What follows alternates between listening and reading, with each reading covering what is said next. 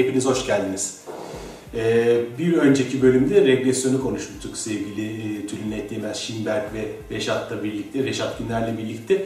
Ee, tabii programın sonuna doğru artık geçmiş yaşam konusu resmen bağırmaya başlamıştı. Yani beni konuşun, beni konuşun diye de tabii o programda bayağı uzun sürdüğü için Evet. e, bunun için özel bir e, bölüm konuşalım istedik. E, şimdi ge- geçmiş yaşamlar denildiğinde kendi hikayem aklıma geliyor. Şey hikayesi. E, ilk ruhsal yolculuğa başladığında böyle karşıma görüntüler gelmeye başlar. Ben bunları uyduruyor muyum şeyler dersin. Ben de böyle başlamıştım. E, 95'te işte çeşitli vizyonlar geliyordu, görüntüler geliyordu, şu oluyordu, bu oluyordu. Sonra 2002'de, 2003'te şöyle bir hal geldi. Ben dokunup insanların geçmiş yaşantılarını görebilip o hikayelerini anlatabilmeye başlamıştım. Böyle böyle ondan sonra sürekli kafada şeyler var işte ben uyduruyor muyum, ediyor muyum, şöyle falan. Sonra seninle gelip konuştuğumuzda bana şey demişti Reşat. Ya geçmiş yaşam hikayelerini görebilirsin. Onlarda çok büyük bir şey yok. Görülebilir, herkes görebilir. Ama önemli olan onlarla ne yaptı? O hikayelerle ne yaptı? Yani diğer kısmı var işte ben geçmişte şuydum, ben geçmişte buydum. Hani o Genelde de herkes kral, Kleopatra falan olmayı bekliyor böyle. Tabii tabii herkes şeyi bekliyor ama genelde ya katil çıkıyorsun ya tecavüzcü çıkıyorsun ya tecavüz edilmiş çıkıyorsun ya öldürülmüş çıkıyorsun. Hep kanlı hikayeler geliyor. Bende çok meşhur insan çıkmamıştı. Benim hikayelerde ama tabii hikaye önemli olan hani hani şuradan başlayalım esas. Geçmiş yaşam hiç bilmeyenler için Evet. söylüyorum. Ruhun enkarne olması. Yani bu galiba bunun biraz üzerinde durmak lazım. Neden enkarne olup duruyoruz ya da hani bir sürü insan için de geçmiş yaşamlar saçmalıktan ibaret. Var mıdır, yok mudur diye. Yani burada nereden başlayalım? Hani nasıl başlayalım? Geçmiş yaşam nedir? Reenkarnasyon nedir? Ve ruh neden gelip gidiyor? Valla burada tabii e, yani bunu çok farklı şekillerde şimdi konuşmak mümkün e, elbette ama şimdi biz burada tabii doğal olarak yani şu anda bedenlenmiş ve duyulara bağlı bir bilince sahip insanlar olarak şu anda tabii ki birinci elden gözümüzün önünde olup duran bazı fenomenlere dayanmak mecburiyetindeyiz doğal olarak. Şimdi nedir bunlar? Yani önceki programda da bir parça konuştuk bunu. Ee, bir defa e, geçmiş yaşamlarını gerçekten literal olarak hatırlayan insanlar var. Net bir şekilde. İkincisi e, yani bazı öyle durumlar ve öyle yetenekler var ki hakikaten hani onun o hayat süresi içerisinde e, oluşturulabilmesi mümkün değil veya bunun genetikle izah edilebilmesi mümkün değil. Çünkü bakıyorsun ki yani o yetenek sergileyen kişilerin bazılarında ailesinde onunla ilgili hiç, hiçbir yetenek yok. Aa, hiç alakası yok. Ya da son derece yetenekli insanlar var ama orada onda öyle bir yetenek gözükmeyebiliyor. Ee, onun dışında tabii e, yani e, bu hatırlamaların yanı sıra regresyon çalışmaları tabii ki buradaki çok önemli e, göstergelerden bir tanesi bize. Yani burada da bakıyorsun işte bazı problemler var ve bunların işte kökenine gittiğimizde bu problemlerle alakalı son derece mantıklı bağlantılar içeren senaryolar ortaya çıkıyor. Şimdi bütün bunlara baktığımızda ki hani buna şunu da ekleyebiliriz işte bir sürü bununla ilgili bilgi var geçmişten günümüze gelen zaten. Hani Ruhsal bazı çalışmalar var. ruhsal çalışmalar var. E, alınan işte bir takım tebliğler, mesajlar var. Onun öncesinde Hint ve Tibet dinlerinin zaten ayrılmaz bir parçasıdır şu reenkarnasyon veya tekrar duruş. Yani o oralarda zaten hani e, o dine mensup olan insanların hani direkt olarak kabul ettikleri öğretiler bunlar. Aslında yani insanlığın bütün tarihine bakıldığında e, her toplulukta e, tekrar doğuş bilgisi var olmuş aslına bakarsan. E şimdi burada yani bir ruhsal gelişimden eğer söz ediyorsak biz e, burada tabii ki e, beden ortadan kalktığında varlığını devam ettiren bir varlıktan söz etmemiz lazım ki işte bu da zaten insanlık tarihi boyunca bilinen bir şey. Bugünkü modern arkeolojik araştırmalara göre insanların ölüm sonrası bilincin devamını yani ruhun devamını diyelim e, kestirme yoldan kabul et- etmesi e, ve buna inanması e, 60 bin yıl öncesine gidiyor. Yani günümüzde bulunan 60 bin yıllık arkeolojik bazı keşifler var. Ve oralarda o zamanki insanların ölümden sonra varoluşa inandıkları gözüküyor. O buluntulardan yola çıkarak ve işte bu arkeologlar, antropologlar e, bunu ortaya koyuyorlar zaten. Demek ki bu bilgi çok çok eski zamanlardan beri zaten insanların elinde olan bir şey. Aslında bilgi demek doğru değil de hakikat desek buna daha iyi. Çünkü yani bizim duyularımızla algılayabildiğimiz dünyanın ne kadar sınırlı olduğunu biliyoruz. Duyularımızla algılayabildiğimiz bağlantılar da çok sınırlı. Yani örneğin işte bir televizyon e, yayınının e, nasıl olduğu, hani televizyon dalgaları bizim için radyo dalgaları, cep telefonu duyularla hiçbir şekilde algılanabilir bir şey değil.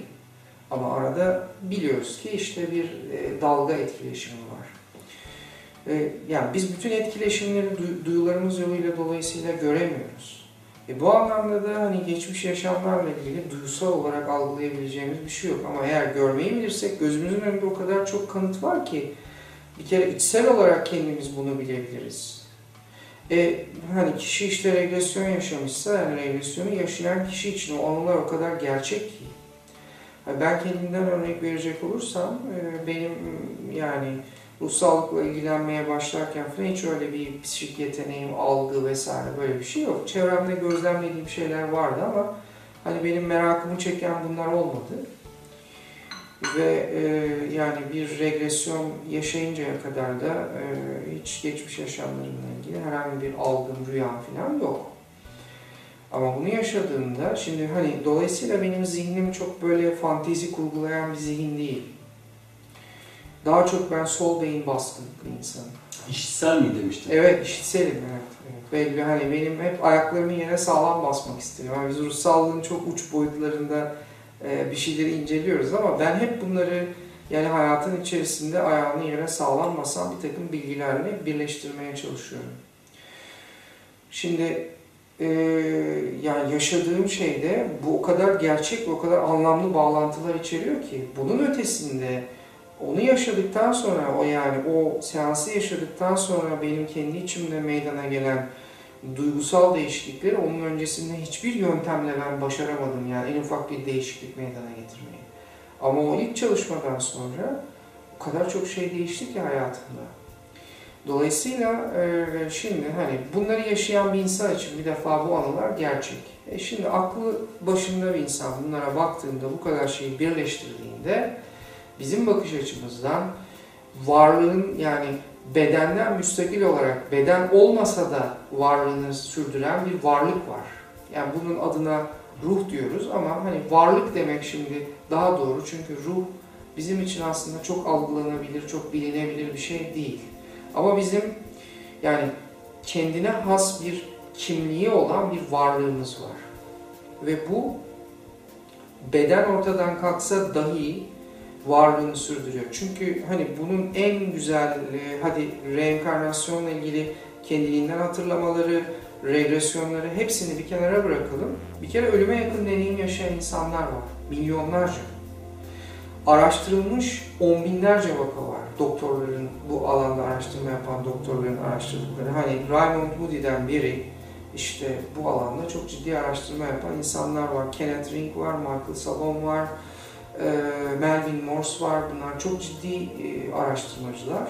Hepsinin ortaya koyduğu şeyler, e, kanıtlar, araştırmalar şunu gösteriyor. Yani ölüme yakın deneyim yaşayan insanlarda ölüm yaşayıp dönen insanlar bunlar. Yani kalbi duruyor, klinik olarak öldüğü tespit ediliyor ki bunların bazıları 20 dakikaya kadar çıkabiliyor. Ve o esnada bir deneyim yaşıyorlar bedenini terk ediyor, işte etrafı görüyor, orada ne olduğunu bittiğini, yan odada olanları görebiliyor, ne bileyim aşağıda hastanede kendisini bekleyen yakınlarının yaptığı konuşmaları dinliyor, onlara şahit oluyor, onları biliyor sonra da. Ve kimisi de işte e, daha üst bir boyuta çıkabiliyor, yani hani öte aleme, buradaki fizik mekanı tamamen terk edip işte oradaki bir takım varlıklarla karşılaşıyor, ölmüş yakınlarıyla karşılaşıyor, daha yüksek seviyeli varlıklarla karşılaşabiliyor, rehberlerle karşılaşıyor ve bu deneyime sahip olduktan sonra tabii ki dönüyor e, ve uyanıyor yani. E ondan sonra e, bunun anısını anlattığında e, görüyorsun ki yani diyor ki ben çok iyiydim yani ve beden evet yani ben ölmedim, yok olmadım. Ameliyatını mesela yukarıdan tavandan olduğu gibi izliyor. Doktorların ne yaptığını ve aralarında ne konuştuğunu bilebiliyor. Bizim de canlı olarak karşılaştığımız yıllar içerisinde birkaç tane, 4-5 tane vaka var. Şimdi bu vakalar da çok dönüştürücü. Yani e, hani regresyon nasıl büyük bir dönüşüm meydana getiriyor zaten ölüme yakın deneyimler de zaten çok büyük dönüşüm meydana getiriyor. Genellikle bunları yaşayan insanlar üzerinde. Hatta bunun bu tarafını araştıran doktorlar da var. Nasıl bir dönüşüm etkisi meydana getirdiğini. Regresyon da buna çok benzer bir etki meydana getiriyor. Çünkü regresyonu layıkıyla yaşayan birisi e, şunu çok net anlıyor ki Aa, ben daha önce defalarca yaşadım ve yok olmadım. İşte bu anılar şu an benim kimliğimi oluşturuyor. Biz bunları tabii ki çok detaylı bir şekilde hatırlamıyoruz. Regresyon yaşasak bile. E, çünkü neden? Şu anki hayata konsantre olmak mecburiyetindeyiz ve şu anki kimliğimiz kendine has bir kimlik bu. Ve bunun diğer anılarla çok fazla kirlenmesine gerek yok. Gereği kadarını zaten biz yanımızda taşıyoruz bir birikim olarak ve o zaten bizim bütün yeteneklerimizi, e, çeşitli konulardaki yani zekamızı oluşturan şey bu aslında bizim. Çünkü zeka dediğimiz şey tamamen o tecrübelere dayalı bir şeydir. Aslına bakarsan. Niye bazı insanlar doğuştan bazı konularda zeki? Çünkü onun o konuda tecrübesi var o yüzden. Yani zeka dediğimiz şey bir konudaki imgeleme çabukluğudur. Yani çünkü herkes her konuda zeki değil. Bunu biliyoruz. Eğer bir konuda bir insan zeki ise o, onunla ilgili imgeleri zihninde çok hızlı çevirebiliyor demektir. E bu da daha önceki tecrübelere dayanıyor, öğrenmelere dayanıyor. Dolayısıyla e, yani biz bunca hani gördüğümüz vakaların sonucunda artık şuna eminiz ki varlık bir şekilde e, beden olmasa da varlığını sürdürüyor, bilinç varlığını sürdürüyor ve bu tecrübeleri bedenden bedene naklediyor. Bunun amacı da işte bizim e, evrim dediğimiz veya eskilerin tekamül dedikleri e, ruhsal gelişim diyebileceğimiz, genel anlamda evrim süreci diyebileceğimiz bir süreç. Çünkü bir hayat içerisinde öğrenilebilecek şeyler son derece sınırlı. Yani ilkel bir zamanda dünyada yaşamış birisi çok fazla bir şey öğrenebilmesi mümkün değil. E burası da bir varlıkların gelişimi için bir deneyim alanı. Bol bol zaten biz her türlü şeyi yani ölüyoruz da, öldürüyoruz da, işkence de görüyoruz, işkence de ediyoruz. İşte kadın da oluyoruz, erkek de oluyoruz ve bunun içinde çok farklı rolleri de deneyimliyoruz her şeyiyle. İşte bütün bunların birikimi de zaten şimdi işte ben dediğim şeyi oluşturan bir bütün. Yani herkesin tabii ki zihninde canlanan yani neden bu düzen böyle yani bu ben bunun bizim bilebileceğimiz bir şey olduğuna inanmıyorum. Tabii tekrar dönüşü çok farklı modellerle ele almak mümkün. Yani şimdi bu anıların hatırlanması meselesine çok farklı yaklaşımlar var. Gerek kendiliğinden hatırlama vakalarına, gerekse regresyonu, regresyonda ortaya çıkan anılara farklı teorilerle yaklaşan insanlar var. Ama bu sonuçta bir bakış açısıdır. Ama en kestirme yol bence yani beden olmasa da varlığını sürdüren bir varlığın, bir bilinç sahibi bir varlığın e, yani işte buna ister ruh deyin adına, ne derseniz deyin, bilinç deyin, e, fark etmez. Yani ne söylendiği önemli değil. Sonuçta bedenden ayrı varlığını devam ettiren, bilinçliliğini devam ettiren bir varlık var. Ve bu farklı bedenlerde deneyimlerini sürdürmeye devam ediyor. En kestirme model bu. Yani şey aklıma geldi. Şimdi e, çeşitli e, belgesellerde şey çıkar işte bu yaşa, e, ölüme yakın deneyimlerin işte yok beynin oyunlarıymış da yok şeylermiş gibi. E, işte benim bir arkadaşım vardı e, şeyi anlatır hep. İşte bir adamın kafasına bir belgeselde başlık koyuyorlar da beyninin bir kısmını uyarıyorlar.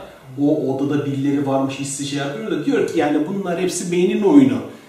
Şu örnek aklıma gelir hep yani biraz değişik bir örnek olacak da arkadaşlar hani mastürbasyon yaparken de bedenini uyarıyorsun ama orada bir tane kadın olmuyor.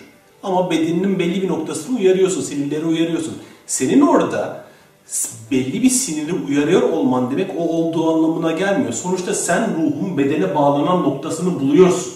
Hani bilim adamları orada ölüm yaşam deneyiminde orayı tetiklenen noktayı keşfetmiş olabilirler. Beynin işte bilmem ne tarafındaki nokta ölüme yaşam deneyimini, yakın deneyimini yapıyor.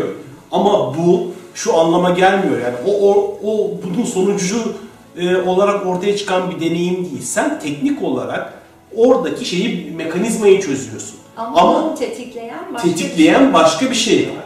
Ve az önceki konuşmamızda e, beden hatırlıyor dedik.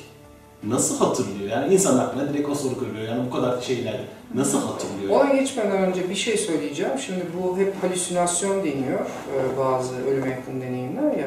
Bunun böyle olmadığını gösteren çok net şeyler var. Çünkü ölüme yakın deneyim esnasında mesela kişi e, bedenden ayrılıyor ve mesela hastanenin üst tarafında alakasız bir yerde bir çıkıntının üzerinde duran bir ayakkabıyı görüyor. Şimdi o yani dışarıdan ancak bakılarak görülebilecek bir şey. Hiçbir yerinden binanın gözükmüyor içeriden. Sonra dok- e, uyandıktan sonra doktordan rica ediyor. Diyor ki ya orada ben bir ayakkabı gördüm. Gidip bakar mısınız oraya? Doktor çıkıyor çatıya falan göremiyor falan. Sonra öyle bir açı yakalıyor ki hakikaten bir yerden bir şekilde onu görüyor. Ama yani ancak karşıdan bakıldığında görülebilecek bir şey o. Ve yani buna benzer o kadar çok algılamalar var ki hani bunun halüsinasyon olması falan mümkün değil. Yani e, bunun böyle olmadığını gösteren dikkatli incelenirse çok fazla vaka var. Şimdi tabii ki beyin devreye girecek. O kişi uyandıktan sonra bunu beyninde kalan anıları anlatacak tabii ki. Zaten beyninde e, yer yapan ya da beyninde iz yapan bir anıyı eğer beraberinde getiremezse ne anlatır ki o? Hiçbir şey anlatamaz. Zaten o deneyimlerin bazıları çok aşkın. Diyor ki anlatabileceğim hiçbir şey yok. Hani eğer o seviyede bir e, şeye gittiyse bir imge yok ki orada. Diyor ki müthiş bir huzur vardı. Sadece ben bunu deneyimledim. Bu kadar. Başka bir şey yok. Ameliyatlarda da deneyimliyorlar. Astralden deneyimi yaşadınız mı? Tabii ki. Yani orada da direkt havada Yani- süzülürsün, çok huzurlu hissedersin. Bedene girdiğinde bir anda her şey ağırlaşır. Ben tabii ama şimdi biz şu anda e, yani bunu beyinle temsil etmek zorundayız. Seninle bu konuları daha sonra konuşacağız daha detaylı. Yani beyinde kalan anıları burada anlatmak mecburiyetindeyiz. Yani beyin burada receiver gibi bir şey aslında. Receiver, evet evet. Yani Aslında burada belki şunu e, baştan belirtmemizde fayda var. Yani biz zannediyoruz ki hani bedenin içerisinde hani ister ruh diyelim, ister varlık diyelim ki işte biz artık yeni ilahi nizam ve kainatla da gelen yeni bilgilerimiz bize bir varlık, daha çok varlık kavramına getirdi. Şimdi bizim varlığımız direkt, direkt şu bedenin içerisinde değil. Sanki bir endüksiyon gibi yani bir tesir. Yani bizim kendi varlığımızın, öz varlığımızın bedenimiz üzerinde bir tesir mekanizması var. Tesirini çektiği anda ne meydana geliyor? Yani fişi çektiğin anda beden zaten kendi o atomsal yapısına, maddesel yapısına ne yapıyor? Geri dönüyor. Matrix'teki gibi yani orada nasıl fişi çekiyorlar. Evet. Yani. E şimdi orada da aslında demek ki bir tesir mekanizmasıyla işliyorsa bütün her şey, e, gene aktarılan şeyler de bir tesir olarak aktarılmıyor. Şimdi bu da hani önceden beri Doktor Bedri Ruhsanlı'nın da bu yeni ruhçuluk kavramlarıyla araştırırken getirdiği Reşat'ın da hani ilk sohbetimizde söylediği bir psişe kavramı vardı. Yani bizim hem bir fiziksel bedenimiz var, Aynı zamanda bir duygu bedenimiz var, aynı zamanda bir düşünce bedenimiz var. İşte buna ara ara katman bedenler, işte mantal, kozal, astral, e, bi- bi- biyoenerji dediğimiz bu kavramlar hatta ne oldu? Pek çok ölçümler yapılıyor şimdi. Ee, biz bir olay, bir travma yaşadığımız zaman onun bir e, fiziksel bir travmaysa onun ne oluyor? Sizin o diyelim ki bacağınızla ilgili bir travma. O sizin kendi enerjetik bedeninizi ne yapıyor? İşleniyor. Ama o olayın aynı zamanda sizin taşıdığınız bir duygusu var. Diyelim ki oradaki duygu çaresizliğiniz. Hem fiziksel travma hem duygu yani çaresizlik ama onun da getirmiş olduğu beraberinde taşıdığı bir de düşünce olabilir. Yani hiçbir zaman bir daha oraya gidemeyeceğim. Bunu başaramayacağım. Onları bir daha göremeyeceğim.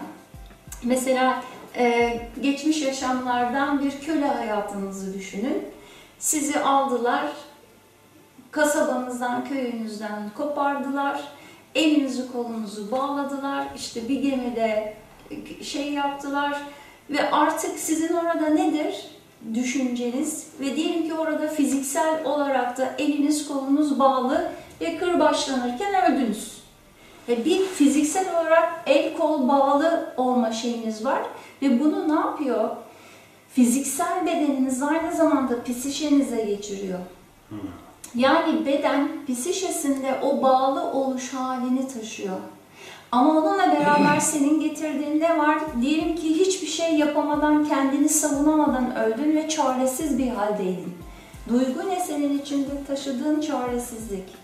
Ama diyelim ki öldüğün anda son duygun, son düşüncen çok önemlidir ölümümüzde. Ve sen bütün aklın, fikrin geride kalmış olan köyündeki hamile karında kaldı. Oradaki çocuklarında kaldı. Ve ondan oradaki düşüncende onları bir daha hiç göremeyeceğim. Ve bütün bunlar ne yapıyor? Bir kompleks halinde taşınıyor. Ve sen diyelim ki bu hayatında ayağını burkuyorsun. Ayağınla ilgili bir problem, fiziksel bir problem yaşıyorsun. Ve o problem senin ne yapıyor? Aynı zamanda çaresizlik duygunu tetikliyor. Ve aynı zamanda o, o kompleksin içerisinde bir daha onları göremeyeceğim, ona kavuşamayacağım ya da bir ayrı, mesela birdenbire sebepsiz hüzün yaşıyorsun. Diyor ki mesela bir danışan geliyor, ya hep içimde anlamlandıramadığım bir hüzün var.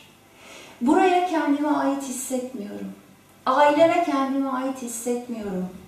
Derin bir yalnızlık içerisindeyim. Ve bütün bunlarla bakıyorsun ki hem fiziksel hem duygusal hem de düşünsel yapıda psişe ne yapıyor? Fiziksel beden ortadan kalkmış olsa bile atomsal yapı yani aslında bizim öte alem dediğimiz şey de bir madde. Ve bu atomsal yapı ortadan kalkmasına rağmen psişemizdeki daha süptil maddesel yapıda ne yapıyor işte bunu ister işte astral beden değil, e, ne derseniz nasıl adlandırırsanız adlandırın o taşınıyor. Şimdi e, ilahi nizam ve kainatla beraber Orada ilahi bir nizam, Evet. kain. ne oldu? Gösterelim yani E, kitap. Doktor Bedri Rustam'ın biliyorsunuz Birisi Ee, Türk, eski Türkçesi, birisi yeni Türkçesi. Yeni Türkçesi Türkçeleştirildi. Biz orijinal halini Nisan'da, daha sonra da Haziran'da Türkçeleştirilmiş hali. Hatta e, Mart ayı içinde de İngilizcesi de geliyor. Önce eski İngilizce çıkartır sonra Öyle yapmadık yani çok e, elimizden geldiğince orijinaline sadık kalarak İngilizce oldu ve tüm dünyaya şimdi yayılmış olacak. Orada mesela biz de diyorduk ya bunlar nasıl başka türlü de aktarılıyor, oradaki başka mekanizmalar ne olabilir derken mesela orada beyin hücresi varlıklarından bahsediyor. Ve diyor ki beyin hücresi varlıkları bizim bütün bu hayatımız süreci içerisinde yaşadığımız her şeyi bilinç dışına kaydediyorlar. Ve daha sonra siz öldüğünüz zaman fiziksel bedeniniz eski atomsal yapısına dönse bile bilinç e, şey beyin hücresi varlıkları sizin bu yaşanmış olduğunuz deneyimleri hala daha taşımaya, bilgi olarak taşımaya devam ediyorlar. Çok güzel bir model verdi bize gerçekten. Çünkü yani biz hani kişiliğin e, ölüm sonrası devamı konusunda e, yani iyi bir model bulamıyorduk gerçekten. Benim yıllardır üzerinde düşündüğüm bir problem bu. Şimdi evet kişilik ölüm sonrası kişilik özellikleri ve belli kimlik özellikleri devam ediyor belli ki. Ve bunlar başka bir bedene aktarılabiliyor. Yani bunu görüyoruz ve ya da işte hani hassas bir kişi ölmüş biriyle temasa geçtiğinde, bir varlıkla temasa geçtiğinde yani onun bütün kişilik özelliklerini orada algılayabiliyor, görebiliyor ya da onun aracılığıyla bir mesaj aktardığında diyelim ki. Ama peki nasıl oluyor da bu devam ediyor? Yani şimdi bedenden çözüldükten sonra, o kimlikten çözüldükten sonra bu bizim yıllardır cevaplayamadığımız bir soruydu. Bu kitaptaki yani bulduğumuz en önemli cevaplardan biri o. Çünkü varlık beyin o hayata ait beyin hücrelerinin varlıklarını bir arada tutmaya devam ediyor ve o şekilde de o kayıtları kendinde saklamış oluyor. bir sonraki bedene bağlanırken de bir sonraki bedenin beyin hücrelerine o varlıklar, daha önceki bedenin beyin hücrelerinin varlıkları ona inkarne oluyor. Ona tesirsel olarak aktarıyorlar. Mesela bir şuur modeli, bir bilinç modeli getirdi ilahi nizam ve kainat. Mesela orada diyor ki sizin bir bilinciniz var ve bu yaşamla ilgili her şey bir köprü olarak bilinç dışınızda kaydoluyor. Daha sonra öldüğü zaman kişi diğer e, bilinçaltı denilen bir sistemde bütün geçmiş enkarnasyonlarının e, hani bir muhasebeden geçirilmiş, bir kıyaslanmış haliyle yani ne yaptım, ne ettim, neyi planlamıştım, neyi ne kadarına yaptım şeklinde bir hayat değerlendirmesinden geçiriyor. Ve ondan sonra da o bilgiler, o kıyaslanan bu hayatla ilgili bilgiler işte biz öz bilgi ya da bizim hani tekamül dediğimiz, ruhsal varlık gelişimimiz dediğimiz hani bu hayatımızın sonucunda hani süzerek çıkardığımız öz aslında ne oluyor? E, sonuçta bir deneyimin sonucunda bizim öz bilgilerimize aktarılıyor. Burada mesela tesir mekanizması nasıl geliyor? Hani diyoruz ya işte vazifeli varlıklar, evrenden gelen var, e, şey tesirler var. E şimdi diyoruz ki Merkür geri gitti ya bütün işlerim böyle oldu. Şimdi Mars geri gidecek. E, bir sürü bu etkiler, tesirler hani düzlem içerisinde var. Ama aynı zamanda ruhsal sistem içerisinde pek çok şeyde tesirler sistemiyle e, ilerliyor.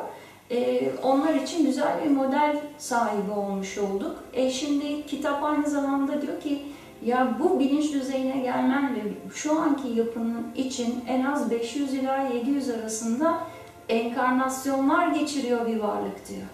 E şimdi bu 500 enkarnasyon, yani illa da öyle olacak, o kadar sayı olacak diye bir şey yok ama biz görüyoruz ki regresyon deneyimlerimizden de varlığın işte iyi olduğu hayatlar var, kötü olduğu hayatlar var. Bazen hiçbir şey olmayan, monoton geçen hayatlar var.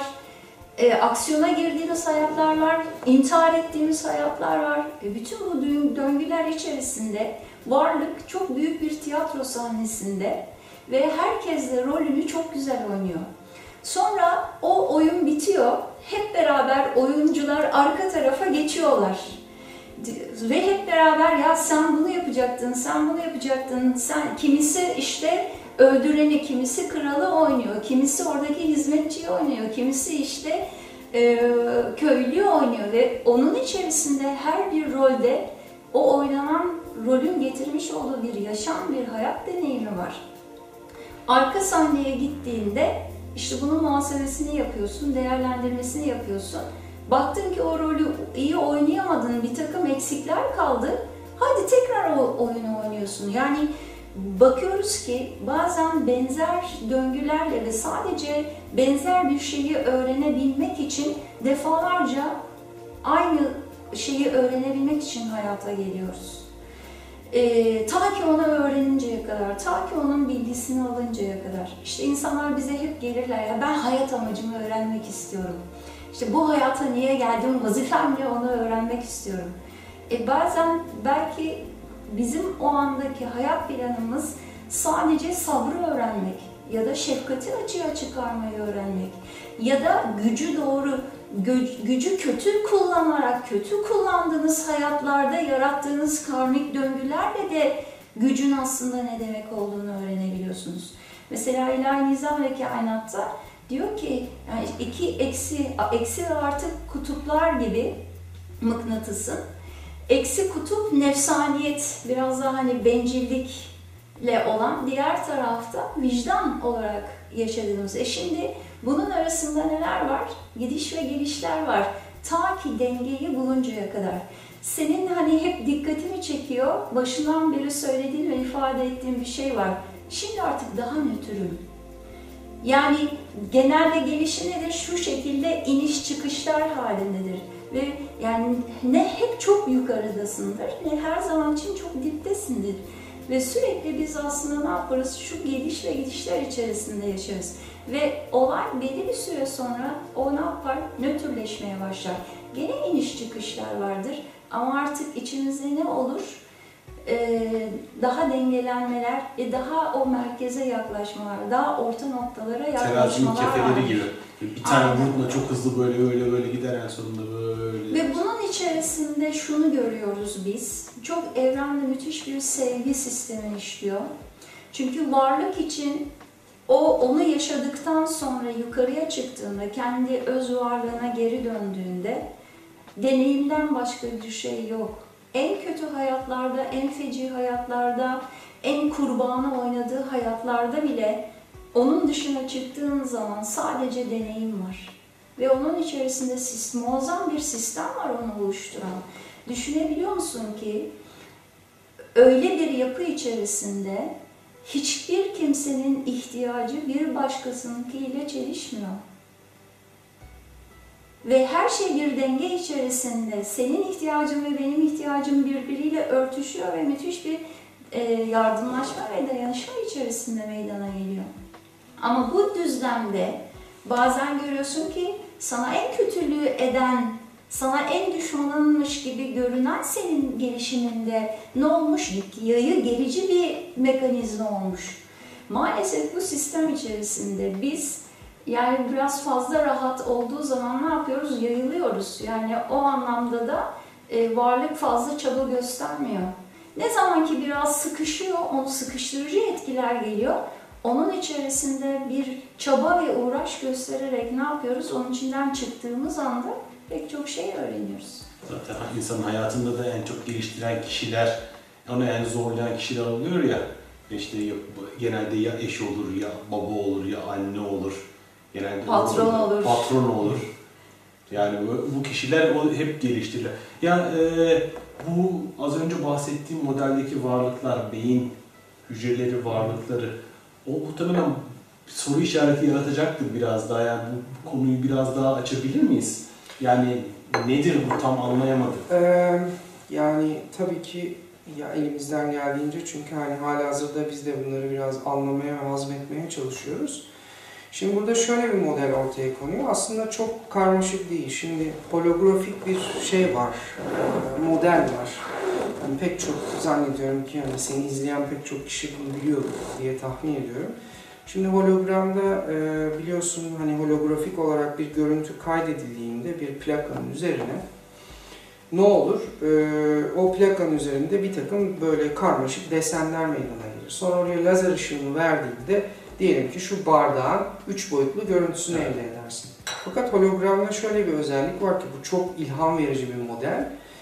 Bu e, bu plakayı e, ikiye kırarsan yani ortadan ikiye kırdığında resmin yarısını değil yine bütününü elde ediyorsun. Evet ve ama flulaşıyor.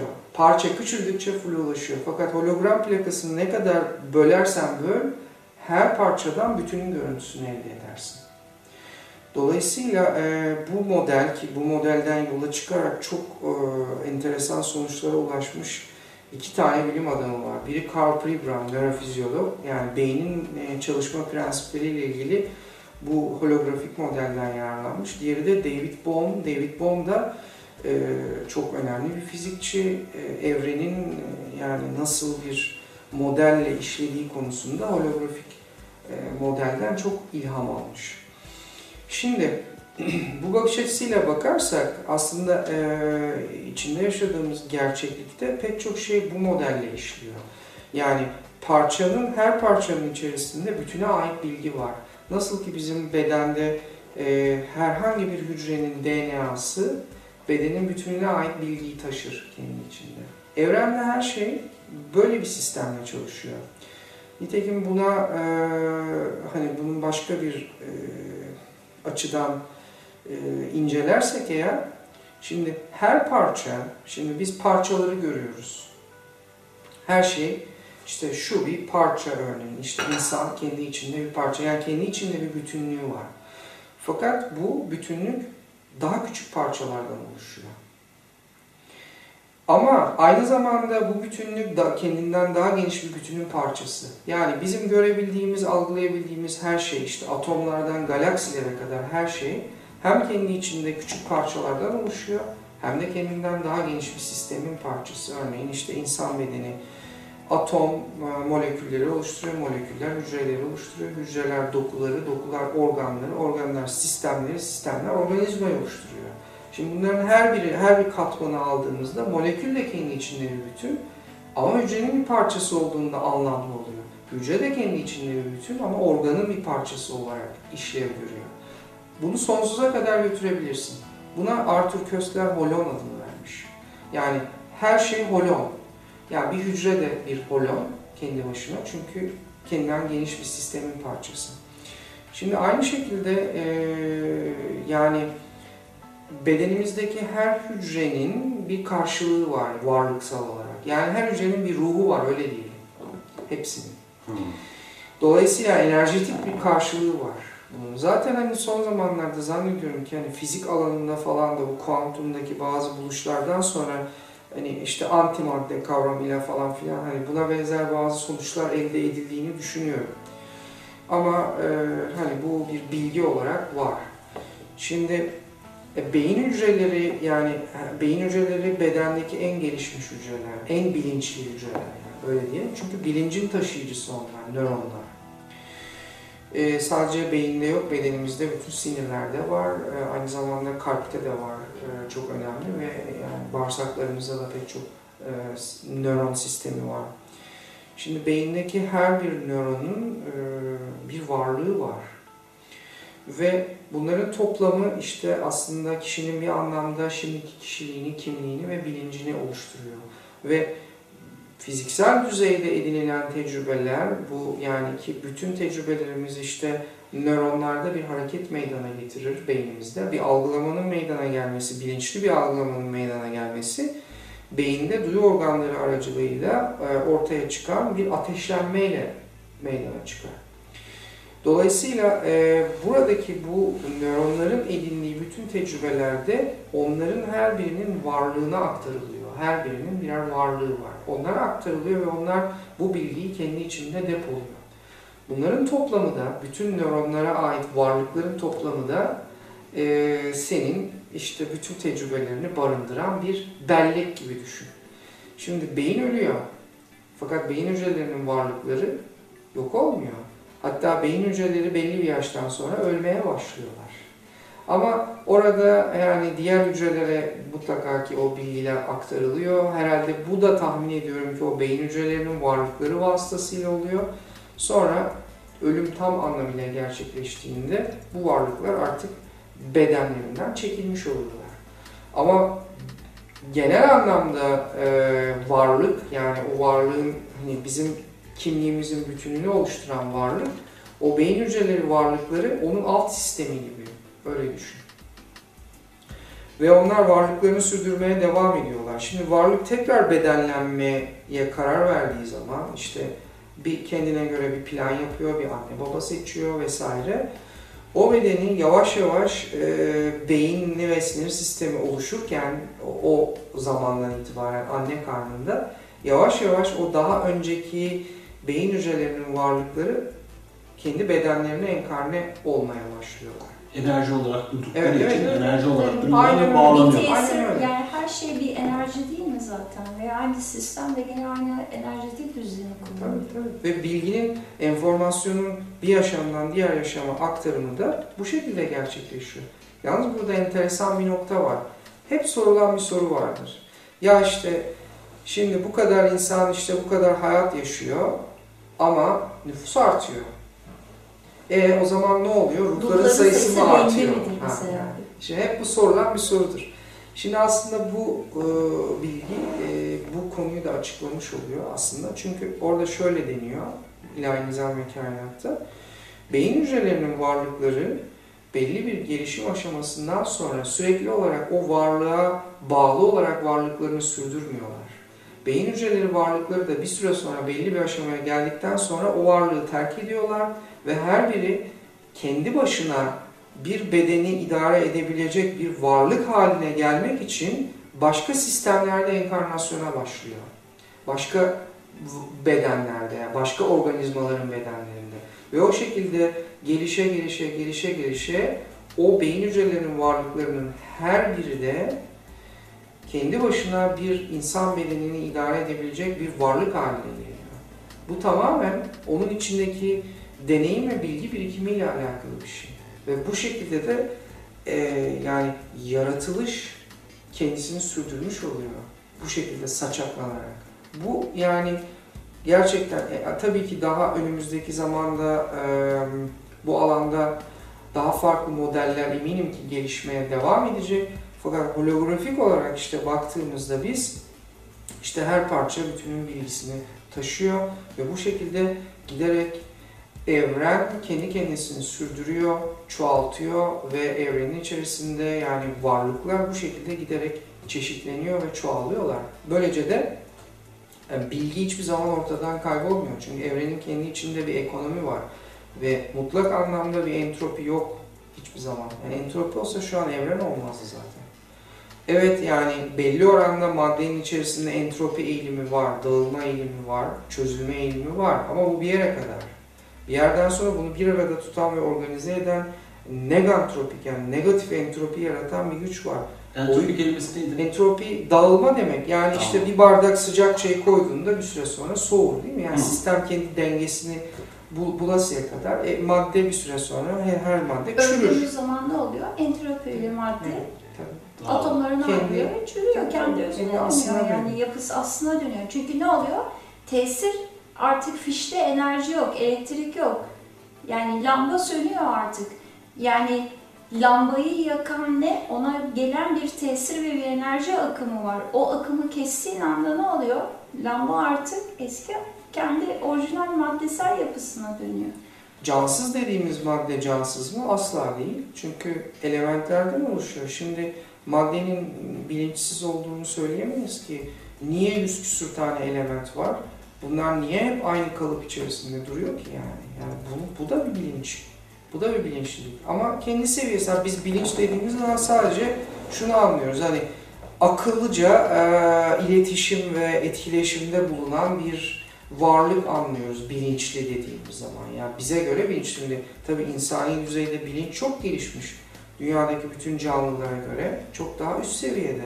Ama bu bundan ibaret değil ki. Yani maddenin de kendine has bir bilinci var. Bir de yani madde ya, bizim görebildiğimizle sınırlı değil. Yani bizim maddenin zaten görebildiğimiz kısmı çok küçük bir kısmı. Göremediğimiz maddeler var ve bizim varlığımız da aslında madde. Yani ruh dediğimiz şey de aslında maddi yapı ama çok süptil, çok vibrasyonu çok yüksek, kendine has titreşimi çok yüksek Ee, ama sonuçta o da madde. Şimdi dolayısıyla hani daha ileride inşallah hani bunlar daha güzel açılımlar meydana getirecek. Biz daha güzel modeller bulabileceğiz. Zaten gerçekliğin kendine has bir yapısı var.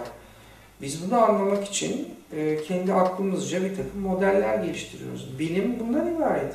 Bilim gerçekliği anlamak için geliştirilen modellerdir ve bilimin geldiği seviye şu an insan aklının, insan bilincinin, insan zihninin ulaştığı seviye.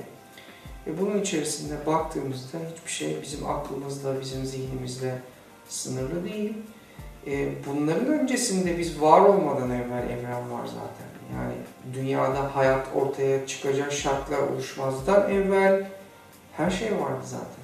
Bu arada model model deyince bir şey aklıma geldi. Hani bazı izleyicilerimizin aklına gelip e, aklına gelmiş olabilir. Neden bir model arıyorlar, arıyorlar. Ben iletişim fakültesi mezunuyum. İletişim fakültesindeki hocalarım da, akademisyen hocalarım da sürekli olarak insan arasındaki iletişimlerin modellerini ararlardı ve araştırırlardı. Şu anda biz spiritüelliğin akademik kısmıyla ilgilenen e, arkadaşlarla birlikte olduğumuz için onlar akademisyen gibi baktıkları için modelliyorlar ama modellere ilk başlarda teorilere şey olarak bakardık biz fakültede. Ya arkadaş bize bunları anlatacağına daha e, kolay şeylerini, gündelik şeylerini anlatsana derdim ama bir yerde teoriyi oturtmadan pratiğe geçemiyorsunuz. Yani biz bunu ancak ben mezun olduktan sonra anlayabilmiştim. Teorisiz pratik tek bacağı eksik kalıyor. Bir ayağınızı yere koymak için bu teorilere ve modellere ihtiyacınız var ki bunun üzerine daha sağlam bir e, serbest ayak bırakın. Kesinlikle. E Şimdi bu hani regresyon hakkında konuştuk önceki programda. Yani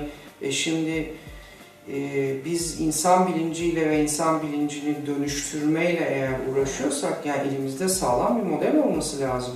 Yani bizim modelimiz ne kadar, elimizdeki harita ne kadar genişse yapabileceğimiz müdahaleler ve meydana getirebileceğimiz dönüşüm o kadar kuvvetli olur. Modelimiz ne kadar küçükse yani bu kadarlık bir modelle hareket ediyorsak biz bu saha içerisinde müdahale edebiliriz ancak.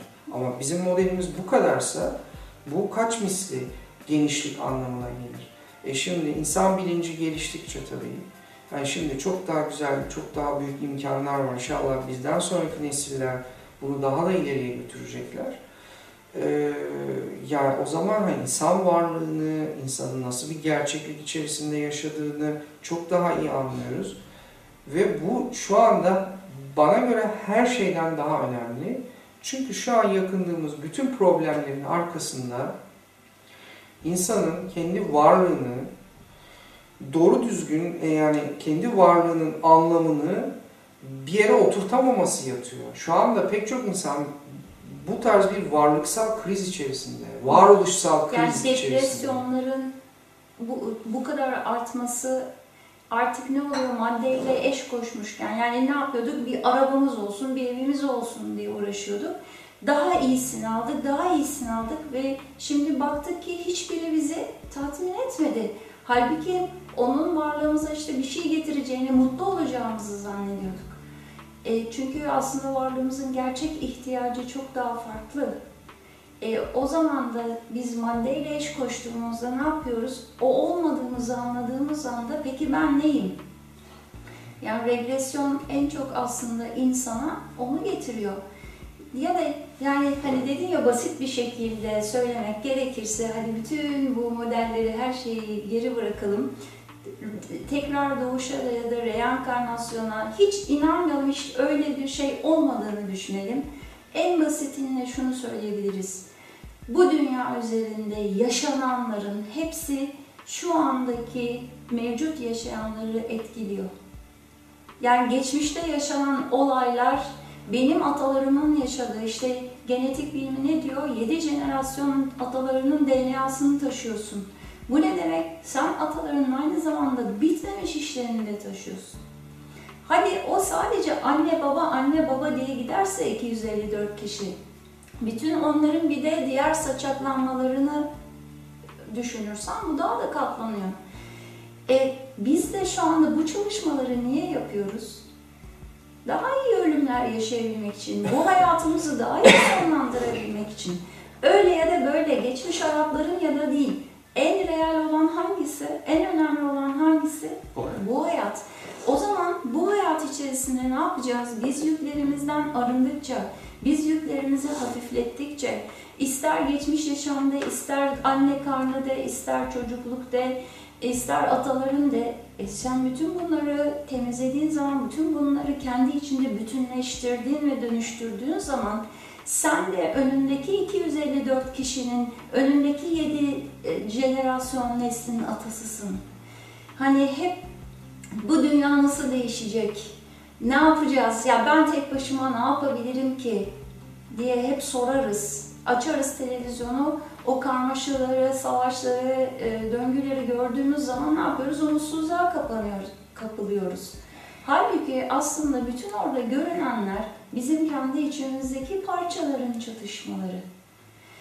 Mikrodan makroya yansıyor. E, şimdi öyle olunca ne yapacağız? Önce biz kendi kendimizden başlayacağız. Biz kendi içimizde değişimi sağladığımızda zaten ne olacak? O dünyaya da aynı zamanda holografik olarak yansıyor. Biz içimizde entegre olduğumuzda ve bütünleştiğimizde başkalarının da bütünleşme şansını artırıyoruz. O anlamda nesillere aktardığımız bilgiler farklılaşıyor ve değişiyor. O anlamda da biz birey olarak çok şey yapabiliriz. Ama bunu nasıl yapacağız? Etrafındaki biz sen eşini, kardeşini, çocuklarını değiştirebiliyor musun? Hayır.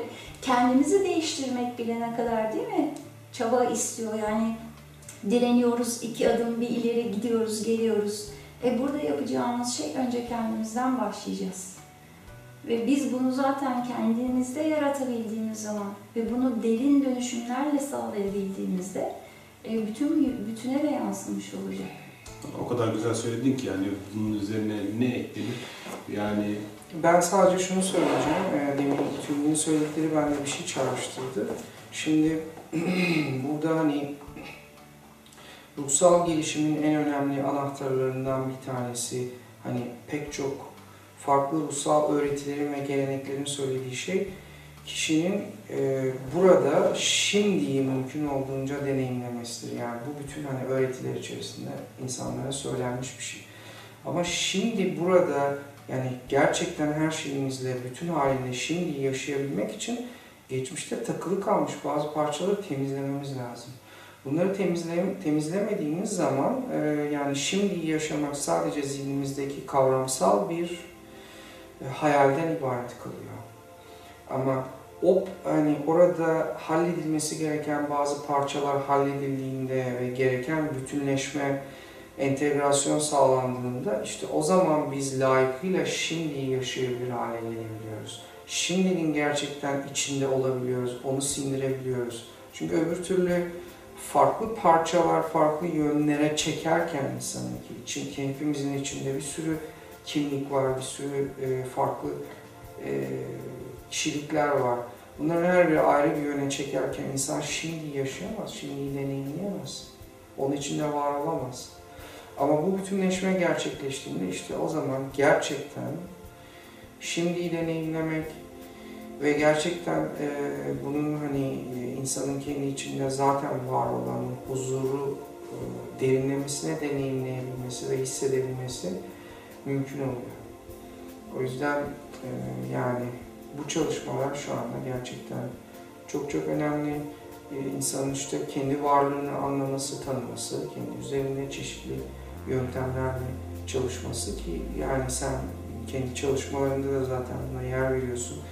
Tabii burada yeri gelmişken yani tabii sana da çok teşekkür ediyoruz e, bu yaptığın çalışmalar için gerçekten e, elimizden geldiğince hani takip etmeye çalışıyoruz. E, ilk defa ben e, Derki'den yabancı bir dergi aracılığıyla haberdar olmuştum. What is Enlightenment diye bir dergi vardı ve orada görmüştüm ve hakikaten çok hayrete düşmüştüm. 2006 yılında e, orada sözü edilmişti. Sonrasında da işte bir tanışıklığımız oldu. Çok ilginç bir hikayedir bizim e, Reşat'la tanışmamız. Bana mail geldi böyle işte böyle böyle e, Reşat Günden İstanbul'a geldiğimde sizinle görüşebilir miyim? E, vaktiniz olur mu diye bir mail geldi. Ondan sonra dedim ya hani ben İstanbul'da değil İzmir'de yaşıyorum. E, mail geldi ondan sonra aa nerede oturuyorsun falan diye. Dedim ben Özmavi kentteyim. E, Reşat'tan şey gitti. Aa ben de Arıkent'teyim. Arka arkaya. Hadi ya çık balkona dedim. mail attık. Çıktık birbirimize el salladık. Çünkü arkada oturuyorum yani şu anda bir şeydeyiz. Arı, e, İzmir'i Arıkent tarafını bilenler varsa Arıkent'in tam arkasındaki site o kadar da yakın oturuyorduk. Evet, evet, evet. Yani çok böyle- enteresan. Çok enteresan oldu. Yalnız benim kafam neye takıldı biliyor musun? Hı hı. Neye takıldı? Şimdi e, beyinsel varlıklardan bahsettik ya. Biz acaba zamanında kimin beyin hücresiydik diye şimdi bir şey yaptık. Bir ara veriyoruz. E, sonsuz muhabbetler az sonra devam edecek.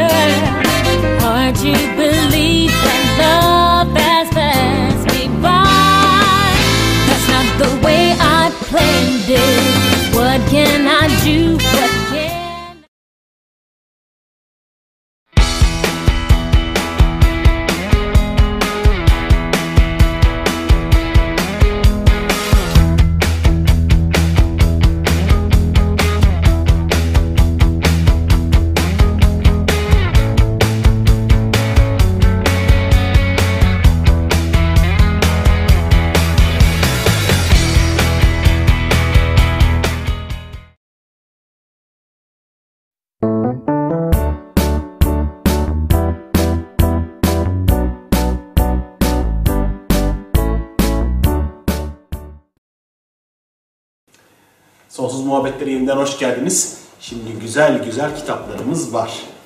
Evet.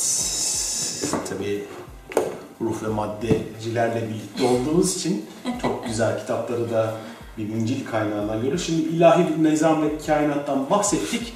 Ee, hani ilahi ve niz- ilahi nizam ve kainat üzerine bir hatta iki program yapacağız. Yani e, hem Reşat'la bir bu konuşmamız olacak hem de e, sevgili Tülin İstanbul'a geldiğinde bir program yapalım dedi orada. Yani çok önemli bir kitap olduğu için bu kitap niye bu kadar önemli kısaca? E, bu kitabın özelliği özellikle e, Türkiye'de ruhsallığın öncülüğünü yapan Doktor Bedri Ruhsalman e, 1950'lerin sonunda bir çalışma yapıyor ve Önder Planı adı verilen bu planla e, çok yüksek tesirli ve yüksek mekanizmalardan bilgiler alıyor. Fakat plan diyor ki bunu kapatın ve kasalara saklayın. Çünkü bunun zamanı geldiği zaman açılacak. Ve 54 sene sonra bu kitabın 3 tane bekçisi vardı. Ve onlar e, birisi medyumu olmak üzere 3 kişiye emanet ediliyor. Daha sonra bu iki kişi vefat ettiler ve sonunda en son gene medyumu kaldı. Ve de o da kendisine gelen gene ruhsal bir işaretle beraber e, saklandığı e, yerden onu çıkardı. Ve biz ilk orijinal haliyle bunu yayınladık. Okuduğumuzda görüyoruz ki e, 54 sene öncesinde hani bizim pek çok bildiğimiz ve şu anki anlayışımızla anlayabildiğimiz pek çok şey o zaman söylenmiş. Hani eksen kutup kaymalarından tut da alanımıza giren hani 12. gezegenden bahsediyoruz. Mu, Atlantis e, ve şu anda hem belli mekanizmaları anlatıyor ve farklı bir anlayış getiriyor. Ruh ve madde ilişkisini çok net bir şekilde ortaya koyuyor. Bizim daha önce anladığımızdan daha farklı bir model getiriyor. Onun sonrasında da daha sonra önümüzdeki dönemde olacaklarla ilgili de ayrıca bir bölümü var. Çok geniş bir nereden gelip nereye gidiyoruz anlatıyor yani. Ve hiç sembolizm yok. Yani net, tamamen doğru ve açık, yani tamamen net açık bilgilerden oluşuyor. Her seferinde okuduğumuzda başka bir şey anlıyoruz. Çünkü arkasında e, her bir satırın içerisinde çok geniş bilgiler var. E, tabii ilk orijinali o zamanın diline göre Evet, yapılmış. ama bu o haliyle bile yani satış hisselerinde yükseldi. Ben onu gördüm. Yani en çok satılanlara girdi. O eski Türkçesiyle E, çünkü 54 senedir bekleniyordu. Bekledim. Önce ben şaşırdım. Bilgi kitabı olarak herkesin hani bilgi kitabı olarak e, beklediği kitaptı. Daha sonra açıldığında isminin bilgi kitabı olmadığını yani ilahi nizam ve kainat olarak e, o zaman plan tarafından verildiği görülmüş oldu. Yani o Türkiye'deki ruhsal çalışmalar ve o anlamda da bütün dünya için çok önemli. Çünkü şu anda dünya üzerinde yaşanan pek çok şeyi arkasındaki mekanizmaları ve nedenleriyle de anlatıyor. Ee, o anlamda İngilizcesi de çıktıktan sonra tabii ki bu alanda ilgi duyanlar ama e, hiç ilgi duymayan insanlar bile pek çok noktadan yakaladıkları zaman e, kendilerinde, içlerinde onlara bütünleştiren, tamamlayan pek çok bilgiyi bulacaklar. Tabii günümüz Türkçesiyle okumak daha şey. Daha evet. Yani ak- anlaşılması eski Türkçesiyle biraz daha zor. Evet ya şimdi gençlere yönelik onu Türkçeleştirdik. O anlamda farklı biz e, Bilyay'dan canlı yayınlarda da zaman zaman konferanslarımıza da işliyoruz. Bilinç okulunda sohbetler yapıyoruz. Yani sayfa sayfa okuyoruz daha iyi anlayabilmek için. Bizler de tabii şu anda anlayabildiğimiz kadarıyla e, insanların daha anlayabilmesi için bazı açılımlarda yardımcı olmaya çalışıyoruz. Burada Michael Newton'un iki tane kitabı var. Ruhların Kaderi ve Ruhların Yolculuğu. Bunlar zamanında tabii Ege Meta'nın Evet. e, şey deniz kabuğunda Evet, şey- eski versiyonu. Yani şimdi kapağı değişik. E, Ruh ve Madde yayınları tarafından e, yayınlanan kapak daha farklı ama Kitapları elimizde. çok şiddetle öneriyorlar. Yani şöyle şiddetle derken bana resmen mail yoluyla sürekli olarak bu kitapları oku, bu kitapları oku falan gibi şeyler geldi. Nedir bu kitapların içeriği?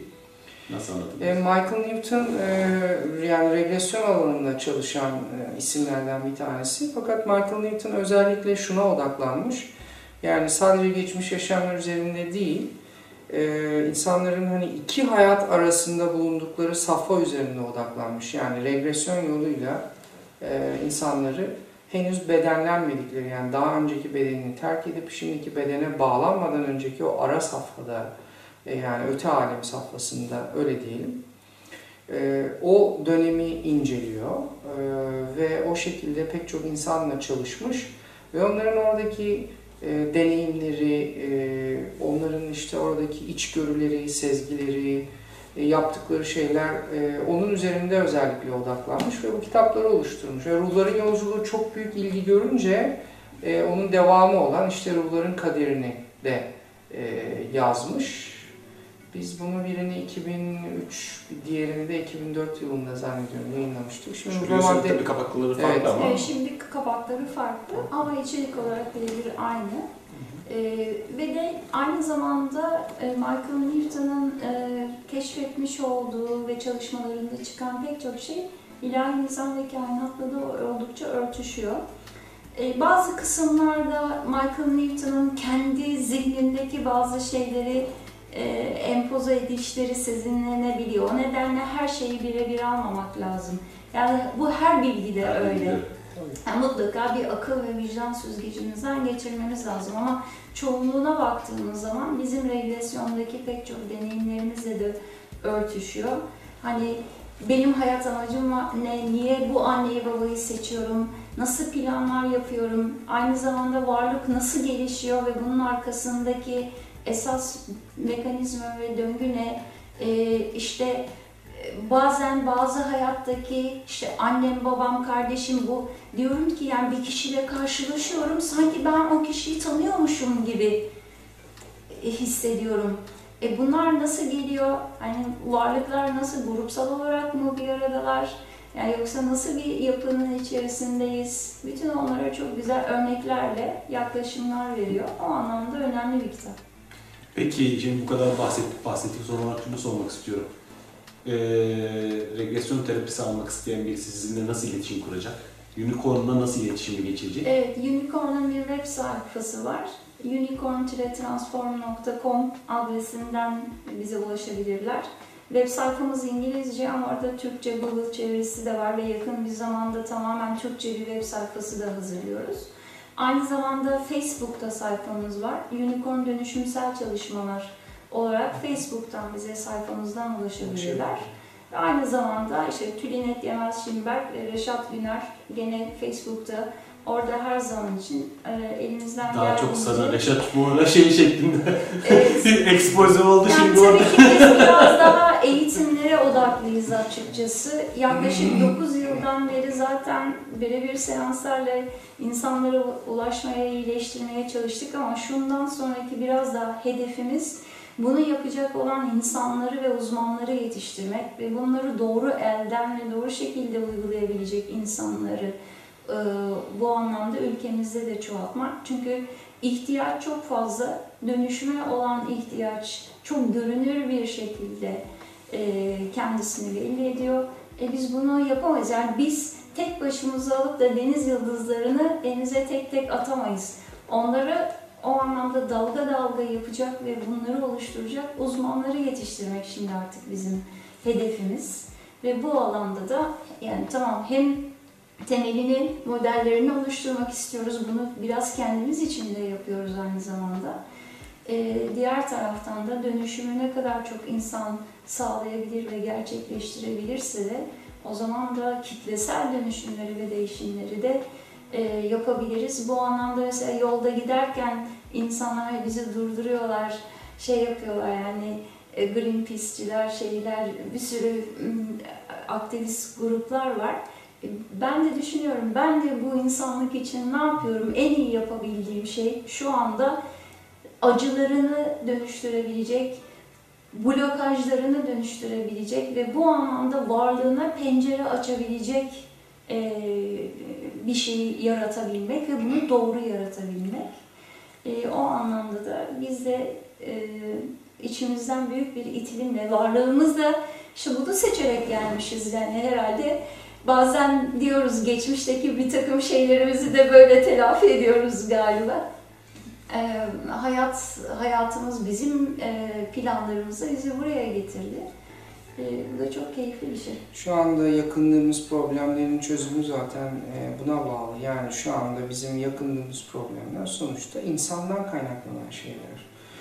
Dolayısıyla da bunların değişmesi, dönüşmesi için gerçekten e, insanın değişmesi ve dönüşmesi gerekiyor ki işte bunun içinde şimdi bu tarz hani teknolojiler diyeceğim ben buna yani hani bu bizim bildiğimiz anlamda teknik aletler değil de hani bilinç dönüşümü teknolojileri ve ki işte günümüzde gerçekten hani çok eski bazı teknolojilerin de yeniden canlandırılması söz konusu işte şamanizme olan ilgi tekrardan artıyor vesaire. İşte bunların hepsinin artık bunları da modern bir şekilde modern yöntemlerle sentezleyerek yapılacak bu dönüşümsel e, teknolojilerin e, geliştirilmesi şu anda bizim ilacımız.